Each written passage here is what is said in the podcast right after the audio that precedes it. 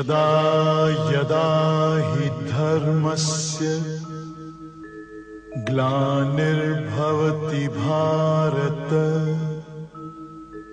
अभ्युत्थानम् अधर्मस्य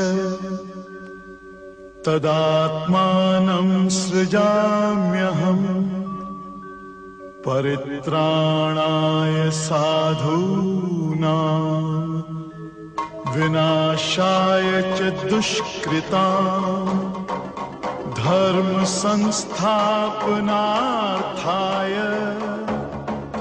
संभवामि युगे युगे Om Swastiastu, Sobat Hindu Times yang berbahagia, semoga dalam keadaan sehat. Berjumpa lagi dengan saya, Gus Arya, dalam podcast Hindu Times episode ke-27. dan di studio telah hadir Sri Sriman Ida Waisnawa Pandita dan Modar Pandit Das juga, seperti seperti biasanya. Om Swastiastu, Srila Guru Pandita. Om Swastiastu. Eh, Terima kasih telah hadir kembali di dalam podcast kita.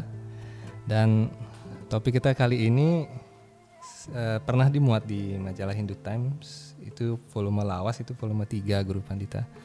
Itu tentang rahasia kemajuan beragama. Eh, namun kita pertanyaan-pertanyaan kita eh, agak realistis sekarang Guru Pandita. Jadi kita mu- mulai saja. Em, ini mungkin yang- ditanyakan oleh banyak orang, eh, Guru Pandita. Apakah agama Hindu mengajarkan bahwa hanya ada satu jalan menuju Tuhan, seperti agama-agama yang lain? Hmm, bagus. Inilah keistimewaan daripada ajaran agama Hindu. Jadi ajaran agama Hindu itu kan jadi Hindu tepat sekali merangkul Weda sebagai dasar hukum. Jadi Weda itu sudah memahami betul tentang keberadaan manusia ini yang bervariasi tingkat kemampuan pemahaman ken- apa namanya tingkat nalar mereka. Itu dijelaskan dalam Weda ada tingkat-tingkatan kesadaran seseorang. Ada yang tertutup, ada yang kuncup, ada yang terbuka, ada yang mekar begitu. Jadi setiap kesadaran orang ini berbeda-beda hmm, tingkat pengertian mereka, pemahaman mereka berbeda- berbeda-beda. Karena itu di Weda itu diberikan jalan berbagai jalan. Anggaplah kalau kita lihat sekarang ada empat jalan ya, ada empat jalan yang disebut dengan itu yang bagian daripada keseluruhan Weda itu ada jalan di sana untuk menuju mencapai tujuan tertinggi. Itu jalan utama seperti mm, karma marga gitu ya. Ada jenana marga atau Giana Marga jelaskan. Kemudian ada menyebutkan juga Diana Marga, ada Bakti Marga gitu. Itu baru empat jalan yang utama, tapi ada juga jalan yang lain yang umat itu tem- umat Hindu tempuh dan dihargai juga. Jadi karena itu kalau kita lihat sebenarnya Hindu ini tidak terbatas jalannya. Walaupun kita kelihatan sama gitu semua keseluruhan, tetap ada juga mereka menempuh jalan berbeda-beda. Hmm, anggaplah contoh satu umat Hindu yang di Bali contohnya, ya kita belum ambil yang jauh keluar ya, yang di luar negeri ya udah begitu.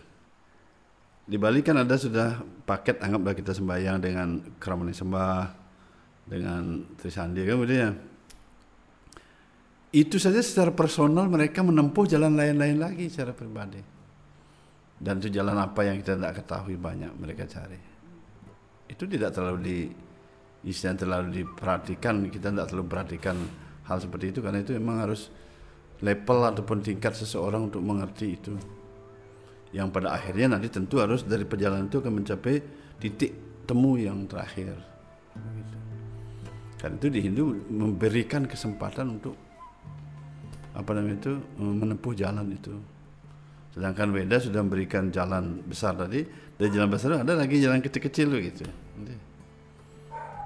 Sama seperti kita lihat jalan tol itu kan ada jalan persimpangan kecil-kecil lagi gitu. Orang lagi kadang-kadang tak kuat jalan tolnya itu kecepatan tinggi, saya pakai jalan kecilnya aja, gitu. walaupun agak jauh sedikit, agak lambat sedikit gitu. Jadi juga di sini di Weda itu ada orang tingkatan-tingkatan apa yang sudah bisa ditempuh. Ada juga ada saya ambil segini saja dulu gitu. Jadi yang pasti mereka sudah menempuh jalan itu masing-masing. Perkara siapa duluan tiba, ya itu kan urusan pribadi lagi. Jadi karena itu dihargai, diberikan kesempatan seperti itu. Sehingga manusia itu merasakan suatu kelegaan mendapat kesempatan, ya, kesempatan yang besar untuk mereka berhasil semua. Tidak ada istilahnya tidak berhasil, semuanya akan mendapat hasil begitu. Andaikan kita ujian sekolah lah, jadi diberi kesempatan oleh gurunya itu ada ujian ini nanti kamu kalau tidak lulus tempuh ini, tempuh ini, tempuh ini gitu. Yang demikian mereka tetap lulus walaupun nilai berbeda-beda. Demikian juga kita di sini tetap akan mendapatkan jalan sehingga buat kita dikatakan ada kan hmm, Tuhan berikan berbagai jalan untuk mencari beliau kan. Jadi Hindu memberi kesempatan seperti itu. Dan demikian tidak ada tidak ada istilahnya doktrinisasi. Jadi manusia sekarang contoh gini, pelajaran di sekolah saja contoh. Mengapa pelajaran di sekolah dikasih eh, misalnya jurusan ekonomi, jurusan bahasa, jurusan matematika kan gitu. Kalau seandainya orang jurusan satu jurusan saja, misalnya jurusan bahasa, orang nggak mood ke sana, apa istilahnya begitu mereka nggak cocok atau nggak ngerti, nggak nyambung. Sementara hobi dia matematika. Kalau itu satu dia bahkan nggak belajar. Atau bahkan dia nggak ngerti sama sekali anggaplah contoh matematika bisa yang kelas berat begitu orang nggak ngerti akhirnya mereka nggak belajar. Hanya itu aja satu ilmunya gimana? Karena itu di universitas kan diberikan kesempatan banyak cabang-cabang ilmu kan. Demikian juga Weda itu memiliki cabang-cabang ilmunya dan orang menekuninya itu dengan sebaik-baiknya. Begitu sehingga sampai yang terkecil-kecil pun anggaplah umat Hindu itu yang dipandang seperti bukan kegiatan agama pun tetap dihargai mereka diberi kesempatan begitu Ya terkait dengan istadewata juga Guru Pandita eh, dalam masing-masing bahkan masing-masing individu dalam Hindu itu memiliki istadewata yang berlainan atau pujaan-pujaan yang berlainan. Apakah itu akan mengantar kita menuju tujuan akhir yang sama yaitu moksarta menjaga dita? Iya, memang kalau seandainya orang ingin mencapai moksa itu, orang harus berjalan, menempuh jalan dan berjalan. Andaikan kita mau tujuan ke mana, mesti harus tempuh jalan itu. Saya pilih jalan ini, saya berjalan gitu. Jadi kalau di dalam Veda juga diberikan tadi jalan itu tadi, sebut dengan karma marga gitu ya. Dan selanjutnya giana marga selanjutnya selanjutnya. Jadi orang harus tempuh itu. Kalau ingin mencapai tujuan tadi. Kan ada sifatnya kegiatan yang umum. Kemudian ada tempuh. Menempuhnya pun kecepatannya berapa yang dia tempuh. Nah, kemudian istadewata ada di setiap itu semua. Karena itu ada yang sifatnya umum di mana Tuhan kita bersama ya dipuja bersama begitu. Karena di Hindu itu menghargai semua ketuhanan itu. Jadi dalam Hindu itu ada seperti tulisannya kan ada Om Tuam Suatu Mahadewa Iswara Parameswara kan artinya itu satu contoh bahwa nama-nama Tuhan itu banyak. Bukan hanya sekedar nama, tapi memang formnya bentuk beliau juga eh, dengan kegiatan dan bentuk yang berbeda-beda. Begitu. Tapi beliau satu Tuhannya. Ada orang bijaksana yang menyebut dengan banyak nama dan memang beliau juga seperti itu begitu. Jadi orang-orang suci itu disebutkan itu mm, wipra, sat wipra, wipra itu orang suci para pendeta, jadi para brahmana itu wipra itu brahmana. Jadi brahmana yang yang sudah mumpuni, beliau memuji dengan banyak nama itu. Jadi memuji dengan banyak nama artinya memang nama beliau, bentuk beliau, kegiatan beliau berbeda dengan nama yang berbeda-beda, begitu dipuji oleh mereka.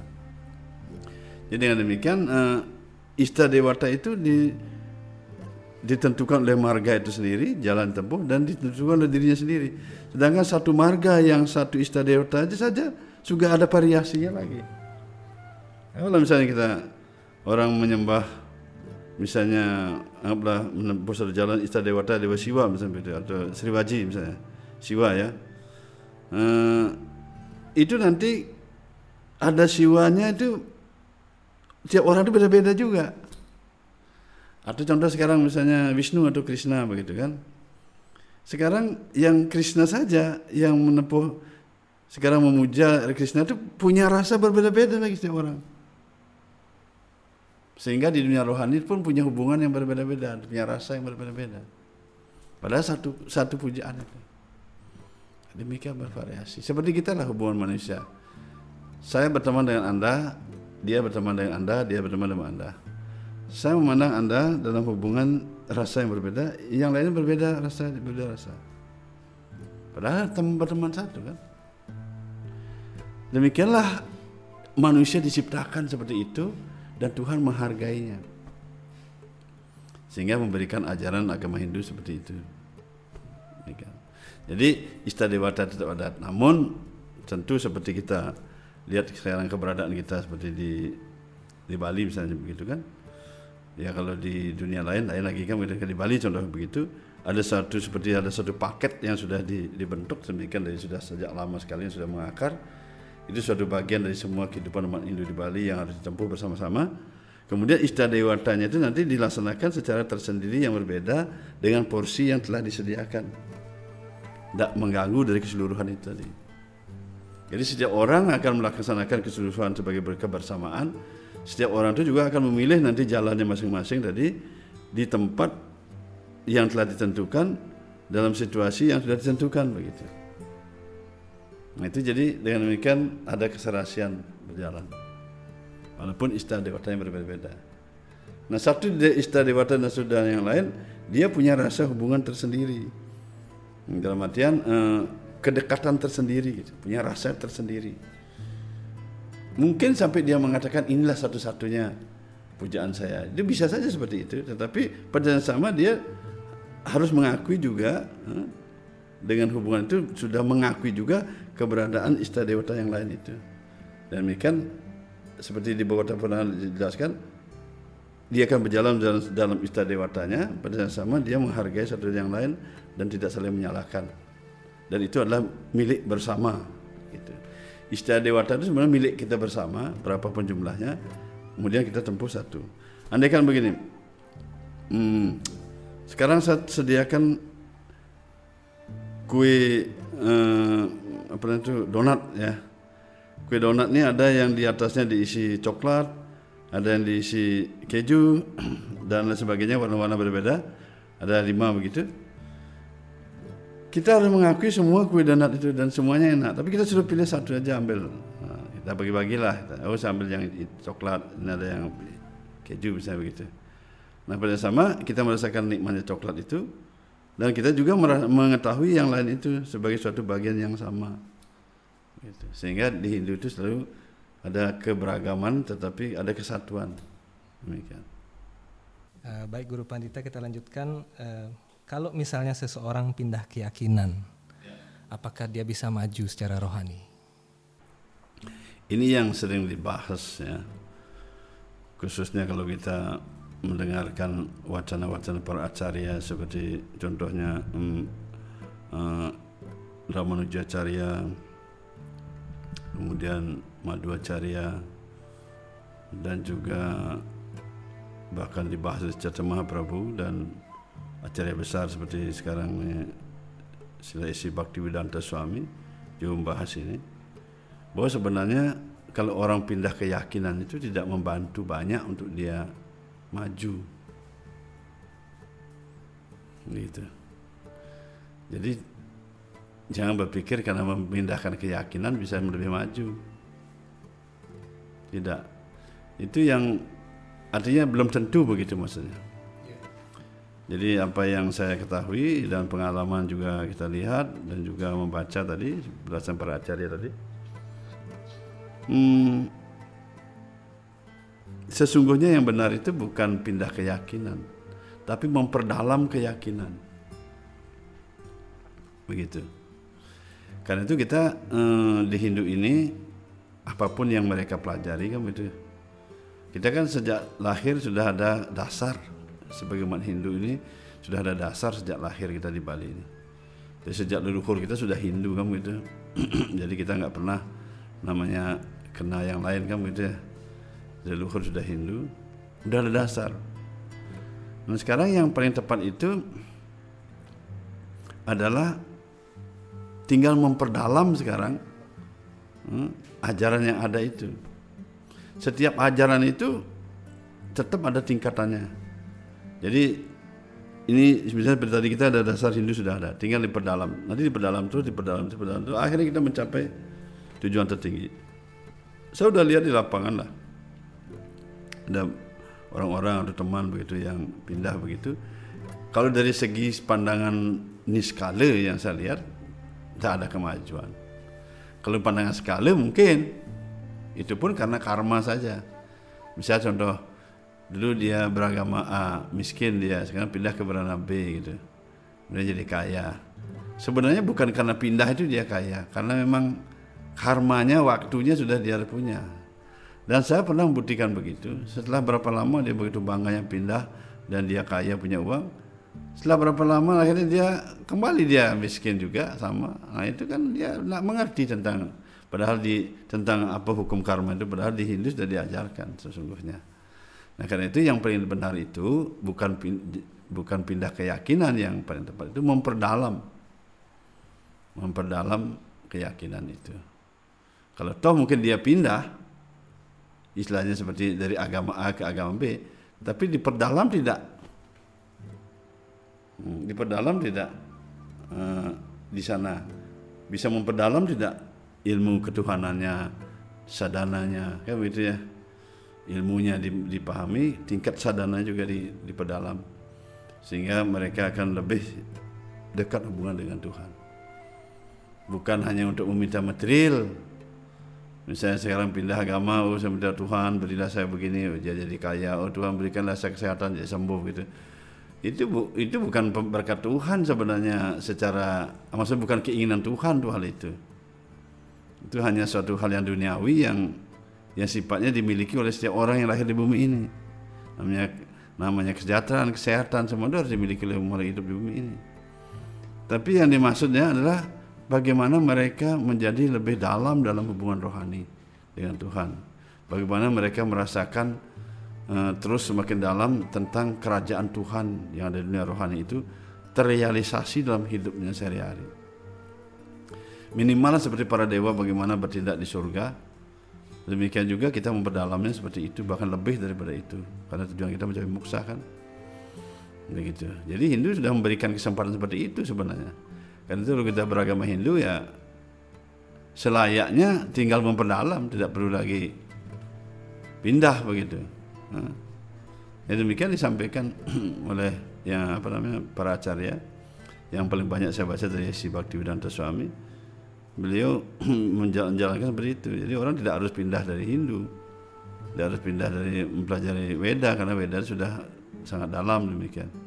Demikian juga kalau yang lain beliau tekankan juga kamu jangan berpikir pindah tapi kamu perdalam walaupun dia pindah begitu kan anggaplah dia pindah ke Hindu ikut Weda gitu ya. Jadi bukan bukan berat, artinya mereka tetap pindah ke Hindu tapi dia bukan hanya sekedar pindah, dia memperdalam begitu. Kalau hanya pindah pujian saja contoh misalnya begini, saya pindah dari muji Tuhan A eh, kemudian saya muji Tuhan B. Tapi hidupnya semua itu sama aja dari dulu. Itu ada sesuatu yang khusus. Ada suatu hal yang dianggap ada kemajuan begitu. Sama seperti orang pindah sekolah saya sekolah A ke sekolah B ya hanya begitu aja tapi dia kalau pindah dia mesti harus lebih dalam lebih dalam lebih dalam lagi semua sedangkan kalau dalam hal agama kan bukan hanya pengertian kita tentang ketuhanan lebih mengerti lebih dalam tapi selain itu juga bagaimana memang dalam praktiknya dia itu sadana yang dia lakukan itu benar-benar lebih memperdalam lagi. Nah tentang uh, ini Guru Pandita um, menyangkut yang tadi uh, ada uh, guru pandita menyatakan tadi ada konsep uh, apa Tuhan yang kita puja secara umum uh, dalam Hindu kita khususnya yang ada di Bali. Kemudian ketika seseorang men, mencari uh, suatu jalan yang mengkhusus begitu, jalannya masing-masing dengan istadewatanya masing-masing itu sudah lain lagi sesuai dengan uh, pilihan masing-masing demikian. Nah, kemudian ini khusus bagaimana sesungguhnya bakti yoga Eh, dan Bhagavad Gita ini yang yang sering yang sering sekali diperbincangkan uh, dewasa ini ya. Uh, bagaimana Bhakti Yoga dan Bhagavad Gita ini memandang konsep istadewata sebagaimana sebagaimana yang sudah kita yakini di Bali.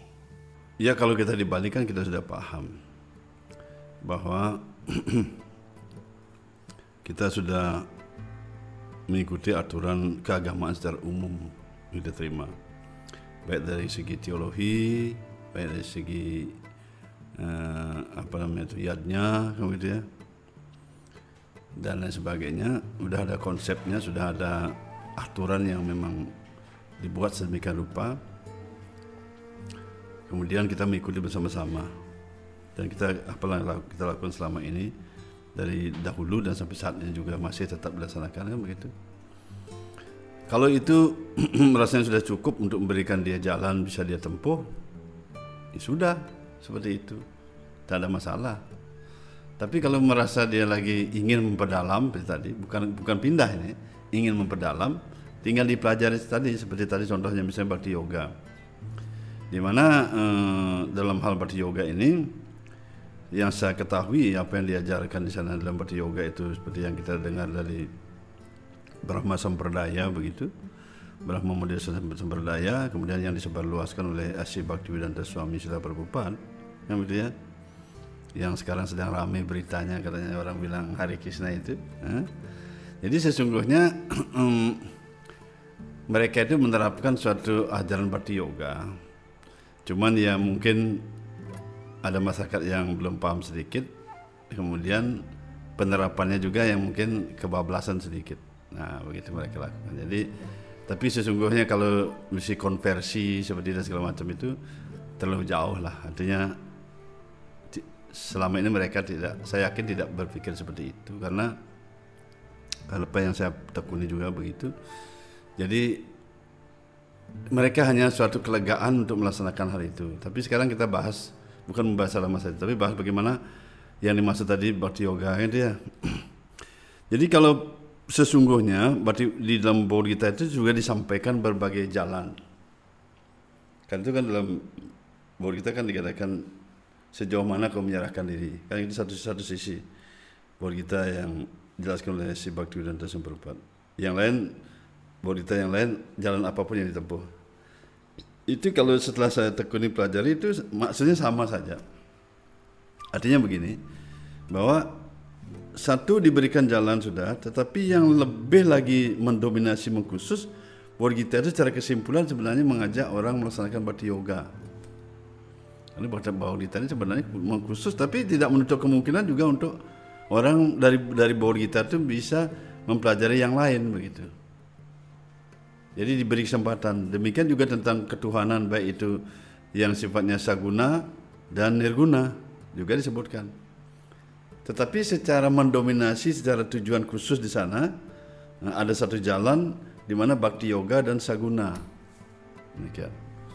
Nah karena itu di sini kita lihat sekarang berarti ini bakti yoga eh, dan saguna ini adalah satu bagian dari keseluruhan kegiatan keagamaan itu. Kan sudah ada kegiatan keagamaan secara umum di Bali yang sudah mengakar. Nah, itu harus kita lakukan kebersamaan bersama-sama. Yang disebut apa namanya itu ada seperti saya sebutkan dalam pelajaran dalam podcast sebelumnya kan ada disebut dengan pluralisme yang tidak pluralisme. Keberagaman yang tidak keberagaman gitu. Jadi artinya Hindu itu ataupun kita di Bali ini semua kita umat Hindu di Bali menerima sangat menerima semua keberagaman itu. Nah itu sangat menerima. Cuman keberagaman tadi itu yang ada perbedaan seperti tadi bagian seperti menempuh bati yoga itu adalah jalan yang ditempuh secara khusus di tempat yang khusus. Nah, ada yang sifatnya umum yang sudah dilakukan bersama, sedangkan ini dilaksanakan secara khusus. Misalnya ada asram kan. Nah, asram kan sudah diberikan porsi di sana oleh otoritas seperti Departemen Agama maupun Parisada kan itu ada porsi asram, ada pura. Nah, pura adalah kegiatan keagamaan secara umum, sedangkan asram adalah kegiatan agama untuk belajar menekun memperdalam ajaran agama itu sendiri. Apa asram apa pun itu sesuai dengan marga yang di Ya, sesuai dengan marga atau apalah asram bahkan sekarang dari Departemen Agama juga membuat peseraman kilat apa gitu ya. Itu artinya khusus untuk memperdalam di tempat itu gitu. Demikian juga yang berarti yoga tadi. Sehingga semestinya menempuh jalan bukan bukan pluralisme yang pluralisme tapi pluralisme yang tidak pluralisme. Jadi selama ini kan rupanya sudah dilaksanakan juga begitu. Mungkin hanya mungkin dalam pelaksanaan sedikit ada kurang lebihnya lah begitu kan itu. Dan masyarakat juga memahami dalam konteks kurang lebihnya begitu. Nah karena itu ditarik benang merahnya gitu. Nah sekarang istilahnya sekarang kita bahas ini yaitu Bhakti Yoga ini dengan istadewata yang tersendiri. Setiap yoga-yoga itu atau marga-marga itu ada ista istadewata yang dia yang dia akan tuju. Begitu. Karena itu dalam Bhakti Yoga ini ada istadewata ya Sri Krishna sendiri. Yang mana sana diajarkan khusus tentang Bhakti Yoga. Nah, karena Bhakti Yoga ini yaitu harus ada acarya atau guru kerohaniannya yang memang menerima ajaran secara turun temurun disebut dengan sampradaya tadi itu yang turun temurun tadi seperti di India kan juga sama mirip seperti itu ada ada kuil atau mandir kan yang sifatnya kegiatan umum walaupun itu mandir Siwa ataupun mandir Wisnu atau mandir Krishna kan itu sifatnya umum ada kegiatan yang khusus lagi begitu ada kegiatan lagi asram ataupun mandir yang secara khusus lagi begitu Nah di mana-mana juga begitu kan orang kan konteksnya beda. Di sini kan juga begitu. Kita sudah sebenarnya khusus kan. Ada yang umum maksud saya begitu. Kegiatan keagamaan kita laksanakan selama ini kan dan kita pelajari secara umum itu kan konteksnya umum dengan dengan apa namanya pujian banyak nama sehingga kita puji keseluruhan menjadi satu sang yang widi misalnya begitu kan secara umum itu artinya tujuan kita untuk menjaga keseragaman kita supaya kita kelihatan bersama-sama dan teratur dengan rapi, tidak ada suatu hal yang dipermasalahkan itu. Namun di dalam itu ada lagi seperti jalan yang yang, yang kecil-kecil tadi itu yang merupakan bagian dari keseluruhan itu. Dan umat Hindu secara umum itu sudah menerima dari sejak awal hal itu. Nah kan itu sekarang kegiatan seperti tadi Bhakti Yoga ini yang dilaksanakan oleh misinya ini dari Gaudiya Sampradaya ini di mana Chaitanya Mahaprabhu ya. Si Krishna itu muncul 500 tahun yang lalu sebagai Chaitanya Mahaprabhu yang sudah mempelopori bagaimana penerapan Bhakti Yoga itu. Demikian. Karena diambillah dari kegiatan itu dilaksanakan berdasarkan kitab suci Weda yang mana mengambil dari Bhagavata Purana yang disebut dengan sembilan cara bakti gitu. Nawa Widya Bakti. Nah, karena Nawa Widya Bakti ini berarti harus ada memang acarya guru kerohanian yang harus di eh, dengan tatuan segala macam yang harus dilaksanakan di sana kegiatannya secara khusus di tempat yang khusus seperti di ashram tadi diberikan. Nah, jadi mestinya pelatihan ini kan pelatihan namanya. Pelatihan saya sembilan cara bakti ini ditempuh dilaksanakan di asram-asramnya begitu. Kalau toh kita ada istilahnya untuk orang juga orang yang ingin tahu, mereka dengan otomatis ingin mereka tadi ingin memperdalam itu akan datang sendiri begitu.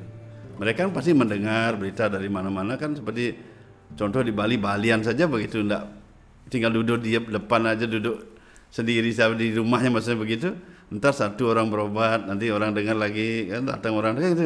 Itu yang sederhana sekarang. Demikian juga ajaran beda ini kan nanti dari orang kan pasti mendengar, oh saya ingin berdalam, berdalam begitu. Nah di tempat itu di memperdalam seperti orang pelatihan begitu kan. Nanti ketika mereka keluar ke masyarakat misalnya di mana mereka di pura ya bersama-sama lagi begitu. Kegiatan secara umum dilaksanakan. Jadi secara umum tetap sudah dipegang. Secara khusus tadi yang ingin secara khusus menurut dia kalau menurut orang lain lain lagi nanti kalau dia merasa umum yang cukup ya sudah. Ada dia menempuh jalan yang lain begitu. Kalau sekarang maksud saya yang khusus yang mengerti bati yoga yang sudah level tingkatannya sudah sudah harus paham dengan hal itu, dia akan otomatis ya seperti Borita mengatakan tanpa diusahakan pun dia akan otomatis begitu. Jadi dengan demikian mereka akan datang untuk belajar menempuh jalan itu sembilan cara bati itu. Di mana diawali dengan mendengar, memuji, mengingat nama suci Tuhan. Nah, jadi nama-nama suci Tuhan itu kan eh, demikian banyaknya kan. Ada nama suci Tuhan yang sifatnya umum, ada nama suci Tuhan yang sifatnya khusus yang dipaket gitu. Yang umum itu misalnya nama Wisnu atau Krishna kan demikian banyaknya kan. Apa pun dia ucapkan ada nyanyikan Krishna, Madhusudana, kan itu misalnya Madawa sekarang diucapkan begitu berulang-ulang oleh oleh orang-orang yang suka dengan itu kan itu. Ada yang mantra khusus yang memang dipaket seperti Maha Mantra Hari Krishna itu yang sudah dipaket oleh Weda di Kalisantara Upanishad adalah paket yang memang diucapkan tidak boleh dirubah-rubah. Seperti mantra Hari Krishna juga salah satu. Misalnya kalau Gayatri mantra, Gayatri mantra.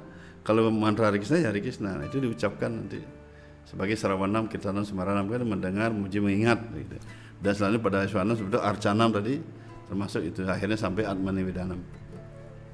Jadi dengan demikian Bhakti Yoga ini bisa dilaksanakan sebagai suatu pelatihan di mana telah diberikan porsinya yaitu di ashram itu ketika itu dilaksanakan di sana dengan baik hmm, dengan sebaik-baik untuk memperdalam Weda di mana diajar dengan sikap tulus hati tunduk hati memuja guru kerohanian juga di sana memang dianjurkan dalam proses bhakti yoga itu kalau secara umum tidak kalau secara umum kegiatan keagamaan umum tidak begitu seperti kul di India juga kalau ke umum ya tidak situ. Misalnya kalau misalnya arcanya Siwa ya Siwa, ya Wisnu ya Wisnu, Krishna ya Krishna itu. Tapi ada kegiatan yang sudah menempuh jalur tadi yang umum pasti ada acaryanya. Ada guru kerohanian di sana yang harus dipuja dan dihormati sebagai bagian daripada rena. Sebut dengan Rishi Rena. Di Hindu kan kita mengenal eh, tiga rena. Walaupun ada pancayatnya, tapi renanya cuma tiga yaitu Dewa Rena, Resi Rena, Pitra Rena. Yang tiga ini mesti dilaksanakan. Nah, karena itu kalau Dewa Rena kita memuja Tuhan ya kan. Apakah Tuhan ini nanti bersebut saguna atau nirguna? Terserah mereka. Yang nirguna juga tadi, yang Tuhan yang tidak berwujud itu juga ada jalan khusus yang ditempuh di sana dengan eh, dengan mana mereka punya acarian juga begitu. Ada acarian juga, semua ada acarian begitu. Nah, jadi dengan demikian ini diberikan oleh Hindu kesempatan sebesar besarnya sehingga Hindu itu benar-benar berjalan terus dia eh, menempuh menuju tujuan itu. Karena satu yang lain tidak boleh menghalangi itu. Kalau satu yang lain menghalangi semua dari awal dari umum maupun khusus itu dihal, dihalangi, ini berbahayanya kita akan melakukan semua kena keseluruhan dosanya nanti. Baik itu yang menghalangi, baik juga yang tidak kuat seradanya, kan semuanya hancur jadinya. Karena Hindu tidak ada sila doktrin kan, begitu. Sedangkan di agama lain juga ada seperti itu kok. Saya pernah bertemu dengan teman-teman yang dari agama lain tuh, yang secara khusus mereka kelihatan setelah cerita aja, oh mirip juga mereka begitu menempuh jalurnya tersendiri. Demikian juga kita sebenarnya kan satu itu Tuhan itu kan, Hmm, itu dengan semua ista dewata yang dijelaskan dalam Weda itu tidak ada istilahnya nih Tuhan ini tuh kalau sini Tuhan sedang tidak Tuhan tidak begitu. Contoh begini Saguna Brahman mengakui Bhagawan Tuhan yang berwujud. Apa kata Wisnu Siwa Krishna gitu ya. Rama Narsinga Waraha apa segala macam Rudra gitu ya nah itu dengan kegiatan dan wujud mereka berbeda Wisnu aja ada kegiatan wujud berbeda-beda kan Nah, Siwa juga begitu Demikian juga seperti uh, Sanirguna itu kan Brahman disebut. Nah, jadi kita Hindu itu mengakui semua itu Tuhannya, itu Tuhan, Tuhannya Hindu. Baik yang Saguna, Nirguna begitu kita mengakui itulah Tuhan. Cuman sekarang yang saya ambil seperti inilah kita ada minuman semua minuman dari pabrik ini kita akui. Tapi yang saya minum ini satu. Itu. Karena saya harus menempuh satu jalan tadi untuk menuju tujuan karena destinasinya berbeda-beda. Misalnya sekarang mencari gini, yang Wisnu saja kita menyembah Wisnu misalnya ada Wisnu yang Maha Wisnu itu beda tempatnya dengan Garbhodaka Saya Wisnu. Sekarang kalau misalnya sekarang ada Krishna, Rama, Narsinga, Waraha itu beda tempatnya semua dunia rohani berbeda-beda juga. Karena kalau kita menyembah Narsinga ya Narsinga supaya benar-benar puncaknya nanti sehingga mencapai tempat di sana di dunia rohani tempat Narsinga Dewa. Begitu juga nyembah Krishna begitu. Jadi nggak bisa campur semua. Kalau sekedar semua umum sih paling campur tapi kalau bersamaan campurnya sampai puncaknya nggak bisa ya. Nanti dia bingung sendiri nanti. Rohnya pada bingung. Yang jemputnya dari mana nih? Dari planet Narsinga Dewa ada yang jemput. Mana yang mana jadi begitu. Pasti harus ada yang mendominasi maksudnya begitu. Jadi karena itu kita kalau dalam beda itu kita diajarkan untuk menerima semua itu. Sehingga kita tidak ada masalah. Sekarang saya sembahyang ke pura tempat pemujaan eh, siwa misalnya, tidak ada masalah kita sembahyang. Jangankan seperti itu ke pura-pura yang lain juga, kuil-kuil yang lain biasa juga kita sana kan, yang Ganesh misalnya begitu kan, atau misalnya Betari mana begitu kan, atau ke tempat seperti Nirguna Brahman tadi yang kekosongan juga kan, ada juga kalau di Mandir uh, di, di India itu kosong nanti begitu, begitu. Tapi kalau di India kan memang secara umum pakai arca kan itu. Nah kita juga seperti itu. Jadi kita sembahyang ya sembahyang tidak ada masalah. Kan dia Tuhan kan. Begitu. Cuma tadi yang pelatihan khusus tadi untuk menempuh jalan tadi dilaksanakan di tempat khusus itu. Yang demikian tidak ada suatu permasalahan apa. Karena kan masyarakat itu berbeda, pemahaman mereka juga berbeda-beda. Dia tidak mengerti. Kalau kita bawa dilihat asing bagaimana nih ya? Nah itulah ada ada pertanyaan-pertanyaan yang berbeda-beda dianggap nanti setiap orang itu merubah kebiasaan yang ada. Sama seperti sekarang hmm, di umum sudah jualan kue klepon misalnya atau kue laklak dia misalnya begitu umum. Kemudian kita makan donat ini kan kita di sini. Ntar kita di jalan-jalan kita bawa makan donat semua orang pikir nih kok udah biasa klepon sih kok dia bawa gini sini. Padahal sebenarnya kalau dia makan di rumah kan ada masalah. Masa orang cari sampai dagang klepon dari ke rumahnya kan? Demikian juga kita sekarang beragama ini secara umum kita udah diterima oleh umat Hindu kita bersama-sama kan. Semua itu bagian dari ajaran Weda. Akhirnya karena kita mungkin kebablasan sedikit, akhirnya orang berpikir itu berbeda, dianggap tidak Hindu begitu. Padahal sebenarnya itu bagian daripada Hindu yang orang ada memahami dan tidak memahami. Kalau macam saya sih ada masalah. Saya sudah melihat semuanya itu seperti tadi keberagam tadi semua bahwa di ajaran yang saya pelajari itu tidak ada pembeda-bedaan Tuhan sebenarnya. Itu masalah hanya orang menempuh jalur saja. Kalau dia patok tetap seperti itu juga tidak ada masalah. Jadi karena itu saya berharap dari teman-teman Hindu juga harus memahami bersama supaya kita tidak salah secara niskala. Kadang-kadang kan orang berdebat tentang masalah ketuhanan. Itu yang keliru sebenarnya. Sama seperti ini ada minum ada kue ini. Ini tidak usah diperdebatkan, yang benar minum makan. Nah sekarang diperdebatkan ada oh Tuhan kalau di Siwa Purana Tuhannya begini, kalau Tuhannya begini, kalau ini tidak diterima. Nah, kalau tidak ini, kalau di sana di sana diterima. Kalau Hindu sebenarnya kita harus menerima keseluruhan semua itu, tapi mana yang diambil secara dominasi itu saja untuk memperdalam tadi itu. Begitu misalnya kalau diambil mana untuk berdalam, ya kan baik jadinya tidak masalah. Ditem- dilaksanakan di tempatnya khusus itu. Jangan diobrak-abrik bawa ke sana kemari. Sekarang misalnya sembilan cara bakti yang memang harus diajarkan dengan paket sembilan cara bakti oleh acarya. Kemudian kita bawa ke tempat yang umum yang tidak mengenal seperti itu kan suasananya kacau. Atau kita bawa ke marga yang lain, jalan yang berbeda. Kan kacau juga kan. Maka itu harus semua paketnya sudah ada masing-masing. Kalau itu pun ada masalah. Jadi umat juga pasti memahami semua begitu. Dan tetap dijaga semua apa yang ada secara tadi pluralisme yang pluralisme tadi yang maksudnya keberagaman yang umum sifatnya itu tetap kita jaga juga. Tradisi yang sudah ada budaya yang mendukung kan begitu. Kebiasaan yang ada yang positif sifatnya gitu maksud saya keagamaan ya. Seperti kita di Bali kan sudah ada begitu. Kita jaga bersama-sama bagi orang Bali bagi umat Hindu di Bali kan begitu. Sedangkan berarti yoga dari tempuh seperti yang saya tempuh sekarang saya menempuh jalan yoga saya di astral tidak ada masalah. Ya dengan demikian Hindu sudah diatur dari zaman lampu sudah diatur sehingga yoga-yoga ataupun marga itu akan berjalan sedemikian rupa sesuai dengan fungsinya masing-masing. Secara umum biasanya secara umum kan begitu? Ya khusus khusus jadi semuanya kan baik tidak ada masalah. Jadi jangan sampai dipertentangkan itu "Ini Tuhan saya ini Tuhan saya ini saya lebih tinggi daripada ini. Itu sebenarnya dalam sastra Weda itu semuanya dijelaskan tentang ketuhanan itu tapi beliau tidak pernah meminta itu. Cobalah kamu puji saya yang paling tinggi yang pertanyaan yang saya yang tertinggi tidak ada begitu. Yang benar itu terimalah aku dan ikuti perintahku sembahlah aku jadilah penyembah. Kan begitu? Seperti tadi lah kue yang benar itu makan kuenya yang benar kita mohon berkat dari beliau. Itu yang paling benar. Mohon karunia dari beliau. Jadi setiap orang kita punya Tuhan yang hebat-hebat canggih-canggih semua ini kan Eh, seperti contoh Brahma Wisnu Siwa contohnya kan semua canggih-canggih itu. Semua punya semua minta aja berkat kan? Siwa minta berkat Wisnu kan itu minta berkat eh. Seka- daripada berbicara sesuatu yang lain yang lebih tinggi lebih kita minta berkat mereka semua hebat-hebat kan? Ya kan? Eh, saya contoh seperti gini saya waktu saya sekolah saya punya teman itu ada yang juara umum satu juara umum dua dua tiga. Itu sangat orang hebat semua tuh semua saya coba teman saya tanya-tanya semua dari mereka tentang pelajaran itu saya bisa belajar dari mereka. Untung jadi saya juga dapat lulus yang bagus saja mereka juga begitu.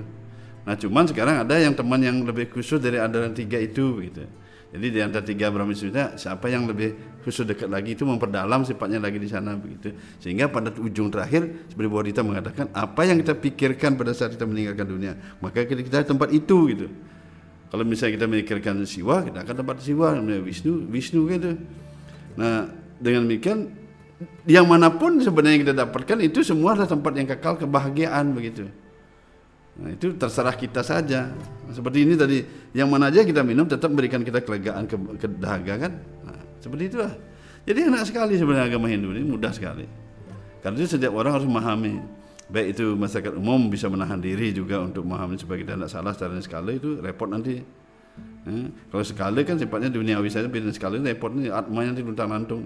Demikian juga yang pelakunya tadi yang menekun tadi, nah, ya belajarlah strategi di mana kita supaya pelaksanaan kita bagus dan tidak mengganggu hmm, keyakinan orang atau pemikiran orang lain kan begitu dengan demikian sama-sama saling menghargai saling mengerti Baik, eh, demikian Sobat Hindu Times podcast kita hari ini, episode ke-27. Semoga dapat memberikan pencerahan dan menyejukkan kita semua. Dan kita harus mengingat bahwa Hindu ini adalah suatu ajaran yang sangat universal dan merangkul semua jenis manusia, semua jenjang manusia. Dan eh, apa pun yang kita pilih dalam payung Hindu ini adalah suatu yang bisa mengantarkan kita kepada tujuan kita yang tertinggi, yaitu Moksartam Jagadita Yacaiti Dharma. Semoga bermanfaat untuk kita semua. Sampai jumpa di podcast episode selanjutnya. Saya akhiri dengan para Santi. Om, Santi, Santi, Santi, Om.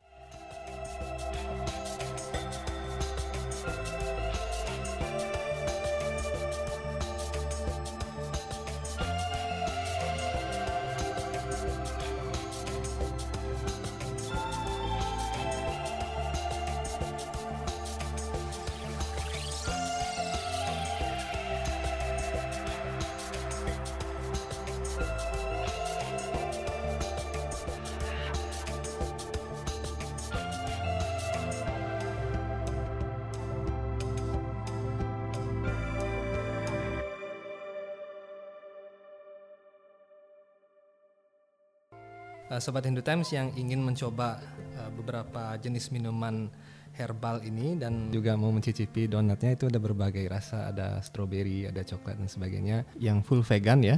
Tidak ada tidak ada unsur hewaninya dan tidak ada susunya juga. Bisa langsung menghubungi Healthy Bali yang ada di kolom deskripsi di bawah, ada WhatsAppnya dan ada juga Instagramnya.